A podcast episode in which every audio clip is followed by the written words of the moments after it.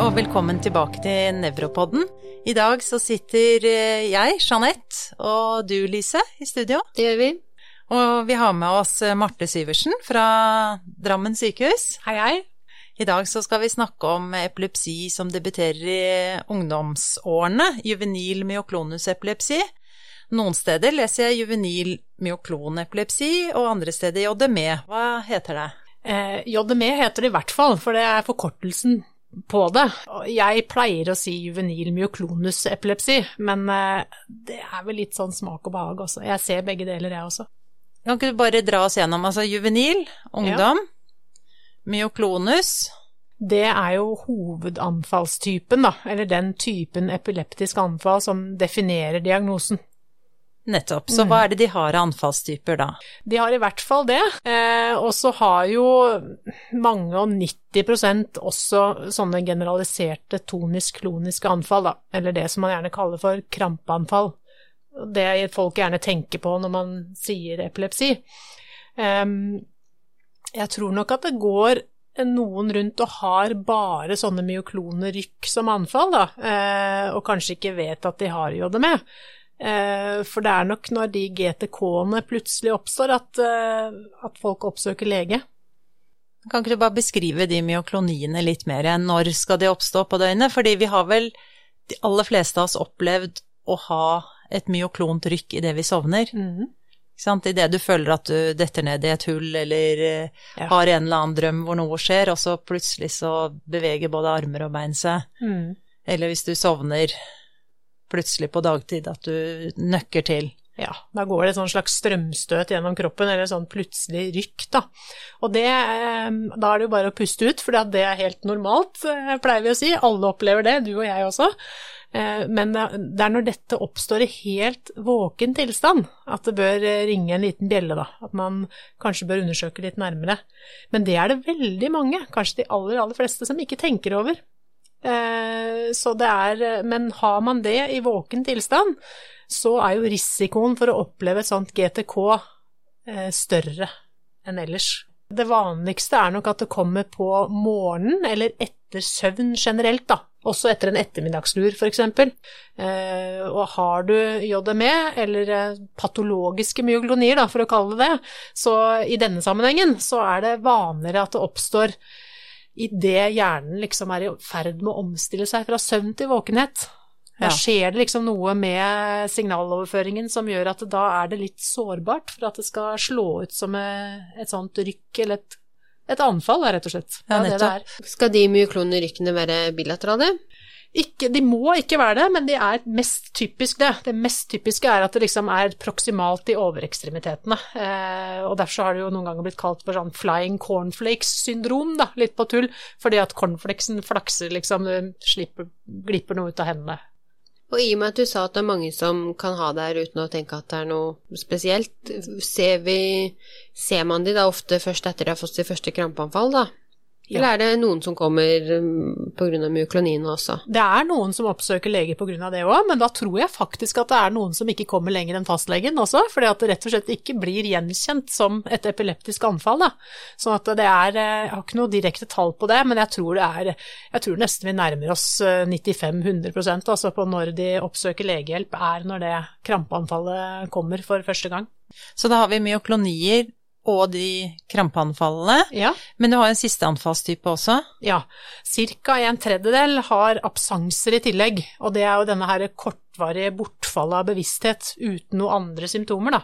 Hvor man liksom bare blir sittende og stirre litt, og så er man tilbake igjen. Det er et absansanfall. Mm. Og hvor lenge er den stirringen da, sånn cirka?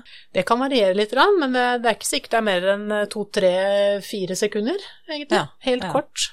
Men sånn at det som kjennetegner JDME, er hyppige myoklonier og myoklonier til tider som man ikke skal ha det. I våken tilstand, da. I våken tilstand. Og eh, gjerne da et generalisert krampeanfall. Mm. Kan ha absenser. Mm. Er det noe mer man må ha for å stille den diagnosen? Ja, jeg tenker at det absolutt viktigste er jo disse myoklonrykkene.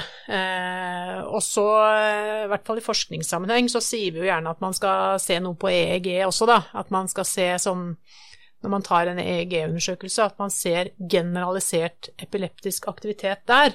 Men med et klinisk bilde som passer eh, helt med JDM, så jeg tenker man skal jo treffe akkurat den epileptiske aktiviteten, da på de 20 minuttene man tar EEG. Så at eh, i klinikken så stiller vi jo diagnosen allikevel, selv om vi ikke finner noe på EEG, da. På klinisk grunnlag. Ja. Er det noen typiske EEG-forandringer? Vi ser hos akkurat denne eh, pasientgruppen. Ja, det er det.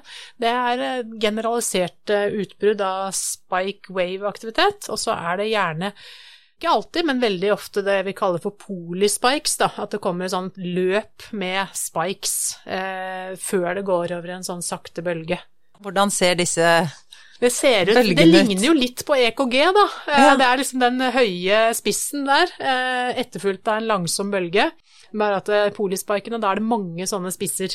Som du sier, det, du må ikke ha det EG for å kunne stille en klinisk JME-diagnose. Mm hvis du skal inkludere i forskningssammenheng, så vil du helst ha et sånt ja. patologisk EG, for da er du helt sikker. Ja. Eller er det andre sykdommer som kan gi de samme EEG-forandringene? Det er det jo, da. Så det gjør jo selvfølgelig dette her litt vanskelig. Men eh, det er jo en sånn grenseoppgang opp mot juvenil absangsepilepsi her, som er vanskelig selv for en med doktorgrad i, i ODME. Så, ja, det er deg. så er det liksom vanskelig å skille, kan det være vanskelig å skille mellom de to. Og behandlingsmessig, så ja, hvor stor konsekvens har det egentlig? Altså, behandlingsvalgene er jo mange av de samme, da. Eh, I hvert fall medikamentelt. I den absangsepilepsitypen så tenker man ok, da er det eh, Da må det i hvert fall være sånne fjernhetsanfall. Det er jo ikke alle med JDME som har det, bare en tredjedel. Nei, og da må absansene være hyppigere enn de myoklone rykkene helst. Sånn tenkte vi på det, i hvert fall. Eh, ja. Du nevnte jo også det at eh, de er mer sårbare for forandringer i søvn, f.eks. Ja. Så hvis man ikke ser noe på et vanlig EG, vil man ha kanskje ekstra nytte av søvndeprivert da, hos denne pasientgruppen? Absolutt. Så det går vi jo ofte videre med, særlig hvis vi er i tvil om diagnosen. Jeg tenker jo det at hvis du har en, en helt klassisk klinisk historie, at det er ikke sikkert du behøver å plage med et søvndeprivert EG da, hvis du tenker at du ville startet en behandling uansett, da. Men det eh, må man jo vurdere individuelt. Og så eh, kommer det én anfallstype også som kanskje går litt utenpå de vi allerede har nevnt. Kan jeg spørre da, er det litt spesielt for JDME, altså refleksanfall, eller flikkestimulering, ja. som er kanskje spesielt relevant mm. her? Eller det kan det også være ved andre epilepsityper, kan du bare si noe om det? Ja, det er kjempeinteressant. Altså flikkerstimuleringen først, da. Eh, det er jo ikke alle, men det er en viss prosentandel av disse pasientene som er, eh, får utløst epileptisk aktivitet og eller anfall av blinkende lys, da. Og det er også en sånn myte innen epilepsien at alle, ingen med epilepsi tåler det, men Nei. i denne pasientgruppa så er det relevant, da. Eh, og da er det vel noe med noe oksipitale nettverk som er knytta opp mot uh, uh, det som trigger anfallene her. At det er, dette her vet du jo ikke helt, da, ordentlig. Men det er litt spennende. Ja, det er det. For jeg tenker, jeg ser ofte på sånne fornøyelsesparker at det står uh, på denne aktiviteten så er det blinkende lys, ja. så hvis du har epilepsi, så får du ikke lov å ta denne aktiviteten nærmest. Det er dårlig gjort. Ja, er det ikke det? jo, for det er, Fordi ja. det gjelder ikke så mange med epilepsi, det. Nei. Det, men eh, det gjelder en, eh, en, viss prosentandel, da. Eh, men hva er det, en tredjedel av disse eller noe sånt som har det? Av JDM-pasientene? Ja, nå er jeg på litt tynn is, for jeg har ikke ja, det Men i hvert fall en, en, god andel. Ja. Men ellers Da er det mindre vanlig enn her, ja. Mm, men, men også er det dette med refleksanfall. Altså det at noen typer aktiviteter, når man leser litteraturen, så ser man at f.eks. noen skriveoppgaver eller å type åpne kjøleskapet, altså gjøre noen helt spesielle, komplekse oppgaver kan utløse et anfall. Hva er det? Og det er så spennende, og det er veldig relevant for denne epilepsitypen, fordi at uh, her er vi nok på vei inn i pannelappens mysterier eh, på JME, da. Og det er jo nettopp liksom kontaktpunktet mellom det kognitive og det motoriske. Mm. Eh, der, eh, det er nok der patologien ved JDME sitter i den liksom kommunikasjonen mellom at du legger en plan og tenker at du skal utføre noe, og så skal jo de signalene gå til motorisk cortex. Ja. Og det starter lengst fremme i prefrontal cortex, og så beveger det seg liksom inn i premotorisk område, og så videre bakover inn i selve motorisk cortex, og så går signalene ned i, i um, ryggmargen, da. Og derfor så er det jo noen med ODME som klarer, ja, som nærmest kan tenke på seg et myoklont rykk, da. Eller de vet liksom hva de må gjøre. Det er jo et refleksanfall. Det betyr da kommer det et myoklont rykk hver gang de gjør Akkurat det samme, eller tenker på det samme, eller starter en eller annen bevegelse. Ja, og det mest typiske da er at det er liksom en form for konsentrasjon, samtidig med at de skal gjøre noe med hånda si, eller en eller annen kompleks bevegelse, da. Så noen får jo dette her ved, ved regning av matteoppgaver, eksempel. Hvis de må sitte og regne for hånd, da, typisk å skrive, samtidig som de konsentrerer seg. Og det har jo vært utnyttet i forskningen på JME også, hvor man har gjort sånne joystick-oppgaver, da, typisk. Men hvis det, det må være vanskelig nok for at det skal trigge en myoklont rykk, da. Så typisk hvis man måtte huske bakover en sekvens med bevegelser, så fikk de trigget det. Men hvis den var for lett, da kom det ikke noe. Nei. Ja, det er interessant, da. Så, eh, men du sier at det har noe med nettverk å gjøre, og da er vi litt tilbake til liksom hva er årsaken til akkurat denne type epilepsi, og hvorfor kommer den juvenilt, altså i Ja. ungdomsårene, og hvor juvenilt må den komme? Eh, Ja. så det var mange spørsmål, men kan du bare si litt om aldersspennet først, og så tar vi litt om eh, årsaker etterpå? Det er også noe av grunnen til at denne diagnosen er så fascinerende og interessant, fordi at eh, denne typen kunnskap da, som gjør at vi kan skjønne hva som foregår skjer her når JDME oppstår, den er jo relativt ny. Dette her med hvordan hjernen modnes og utvikles, det er jo liksom de siste ti årene som har satt fart på, eh, ved hjelp av sånn avansert MR-teknologi som vi ikke nærmest Jo, det fantes, men det fantes nærmest ikke da jeg begynte på medisinstudiet. Så var dette her helt i startfasen, ikke sant, med diffusjons-MR og, og egentlig funksjonell MR etter hvert òg, da var jeg litt eldre, men likevel. Så det er jo forutsetning for at vi skal skjønne JDME. Og da skal vi inn på hjernemodningsprosessen i tenårene, ikke sant at da foregår det kjempemasse i nettverkene i hjernen som vi ikke hadde helt eh, kontroll på for 20-30 år siden. Eh, og det er jo de fremre delene av hjernen, prefrontal cortex og pannelapsnettverkene, som modnes da. Og så er det jo med JDME at det, det, anfallsdebuten der, den er jo gjennomsnittlig på 15-16 års alder. Så midt i smørøyet for den modningsprosessen der, da. Ja, den omorganiseringen nærmest, Yes. eller ombyggingen i hjernen. Ja, så at det er nok noe som skjer da, i den prosessen. Så per definisjon så starter ikke JDME hos en femåring. For da har du ikke kommet dit i hjerneutviklingen ennå. Men så er det noe usikkert akkurat hva som skjer i den der eh, modningsprosessen av prefrontal cortex. Og spennende her er jo at eh, man, hvis man går skikkelig i dybden, så finner man jo også funn på prefrontale funksjoner hos personer med JDME. De har jo ofte litt dårligere eksekutive funksjoner da, enn gjennomsnittet. Hva i de eksekutive funksjonene er vanskelig? Er det planlegging og gjennomføring av Det kan se skolearbeid, eller Ja, det kan nok være én ting, eh, men det det er forsket mest på i ADME-gruppa, og kanskje belyst best, er jo dette her med å ta risiko, da. Eh, å ta litt kjappe valg, litt lite gjennomtenkte valg. Og det så jo vi i vår undersøkelse annet, at eh, det var en mye høyere forekomst av rusmisbruk, da, eksempel, i denne pasientgruppa enn eh, hos andre som hadde andre typer epilepsi og var like gamle. Andre ting som er assosiert av symptomer? Du nevnte dette med litt, eh, litt vansker i forhold til eksekutiv, eksekutive, altså planlegging, gjennomføring, kanskje litt raske med å ta valg. Ja, og da skal vi jo legge til at det gjelder jo ikke alle, da. Det er jo også viktig å få fram, at dette er på gruppenivå i gjennomsnitt. sånn at det fins jo mange eksempler på personer med denne diagnosen som ikke har de utfordringene òg, men det er vanligere enn hos andre. Men så er det jo, eh, vi var jo inne på det med søvn og døgnrytme og sånn, og det, det er nok også et trekk ved JDME at eh, disse personene her er ekstra sårbare for eh, søvndeprivasjon og stress Sånne ting som egentlig er slitsomme for hjernen vår, og særlig de prefrontale kognitive nettverkene, som kanskje det er noe med her, da, de lar seg påvirke av stress og søvndeprivasjon hos alle mennesker. Men eh, hos personer med JME så kan jo det trigge eh, krampeanfall, da. Og så var det det siste delen av spørsmålet, da med årsaker. Vet vi noe om Altså, du sa at det, det debuterer i denne Altså, årsaken er jo dette med nettverk, men mm. hvorfor får ikke alle JME, da? Ja, ikke sant. Nei, det må jo da Det er jo noe som skjer i den modningsprosessen, da, som heldigvis ikke skjer med oss alle. Eh, og så har vi jo lett og lett i genene.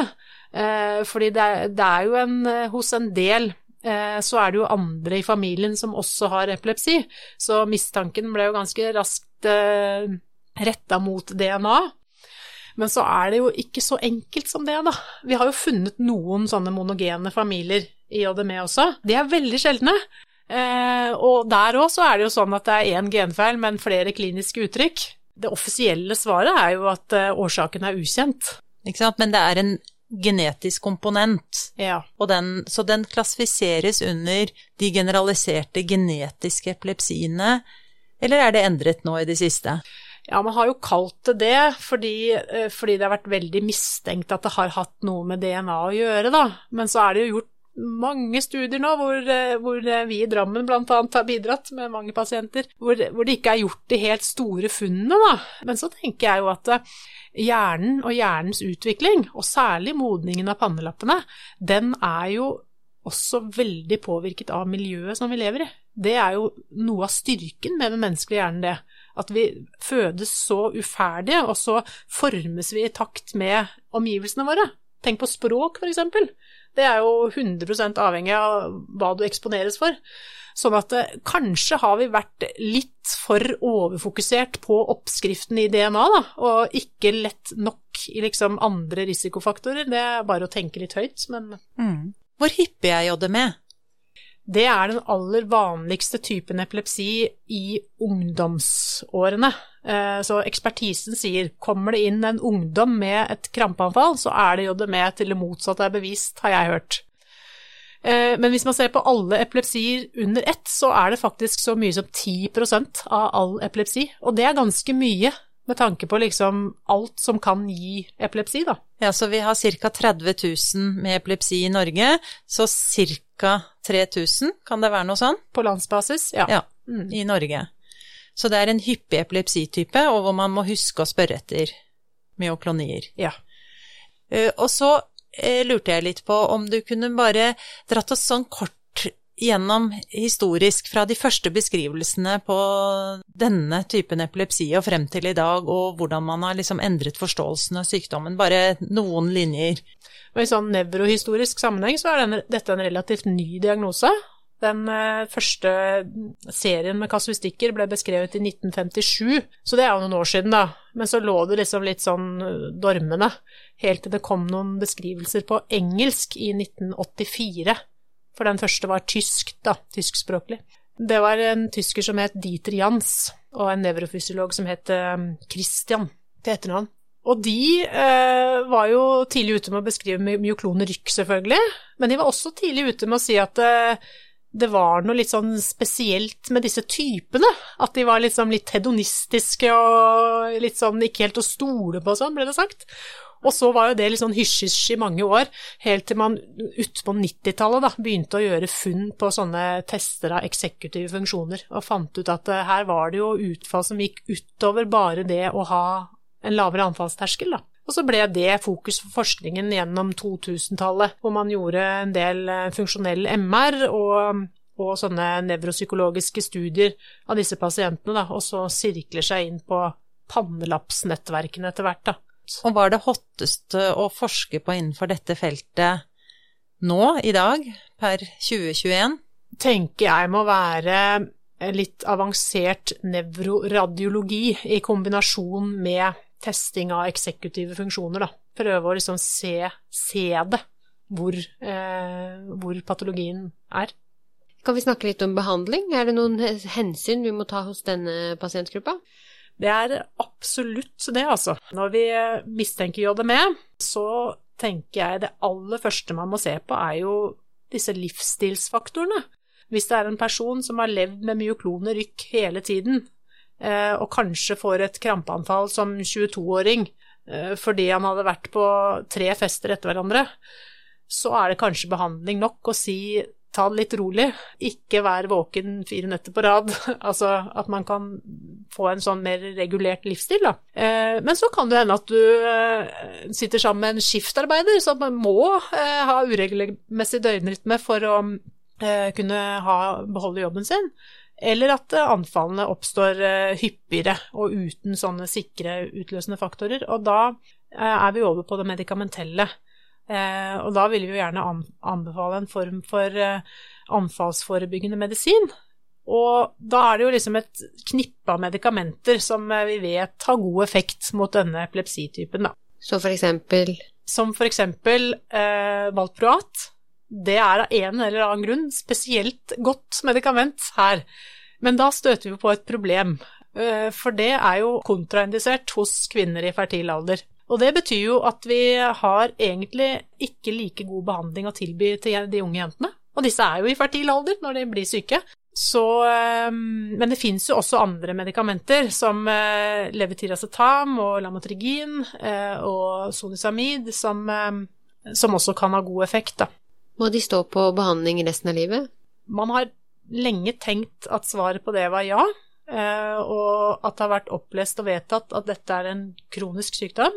Og i mange tilfeller så er det det, fordi man er mot slutten av hjerneutviklingen og liksom nettverkene har satt seg, på en måte, når man går inn i 20-årene. Men det er nok en sannhet med litt modifikasjoner. Det viser seg nok at det eh, hos noen roer seg litt når man kommer inn i 30-, 40- og 50-årene, Så det er i hvert fall grunn til å reevaluere underveis. Og noe av det går kanskje på hvor man er i livet. For eksempel så er jo småbarnsforeldre litt utsatte med uregelmessig døgnrytme og stress og sånn, og mens kanskje ikke det er sånn når man kommer videre i livet, da. Men er det risiko for forverring eh, med økt anfallshyppighet ved seponering når du liksom blir godt voksen, sånn 60-70-åra? Det er jo alltid en risiko eh, forbundet med å seponere anfallsforebyggende medisin. Da. Man vet jo ikke hva som gjelder for det individet før man har prøvd. Er det forbundet en større risiko ved å prøveseponere forebyggende behandling hos pasienter med JME enn andre pasienter med annen type epilepsi? Hvis du har spurt for 15 eh, år siden, så hadde svaret på det vært eh, ja, med utropstegn. Men så kan du begynne å kikke litt på hvor de dataene kommer fra. Og egentlig så kommer liksom den sannheten der fra observasjonsstudier med relativt kort observasjonstid. To til fem år. Men så kom det jo fra noen sånne store tyngder innen nevrologien, da. Eh, så da tenkte alle at eh, sånn er det jo. Det stemmer jo. Men så har det kommet noen langtidsstudier de siste ti årene som gir litt mer grunn til optimisme, da, og som viser at det er en liten gruppe her som seponerer medisiner og forblir anfallsfrie. Så jeg tror kanskje man må se litt på utløsende faktorer, om det liksom er vært noe spesielt der, eh, og hvor man er i hvilken livsfase man er i, da.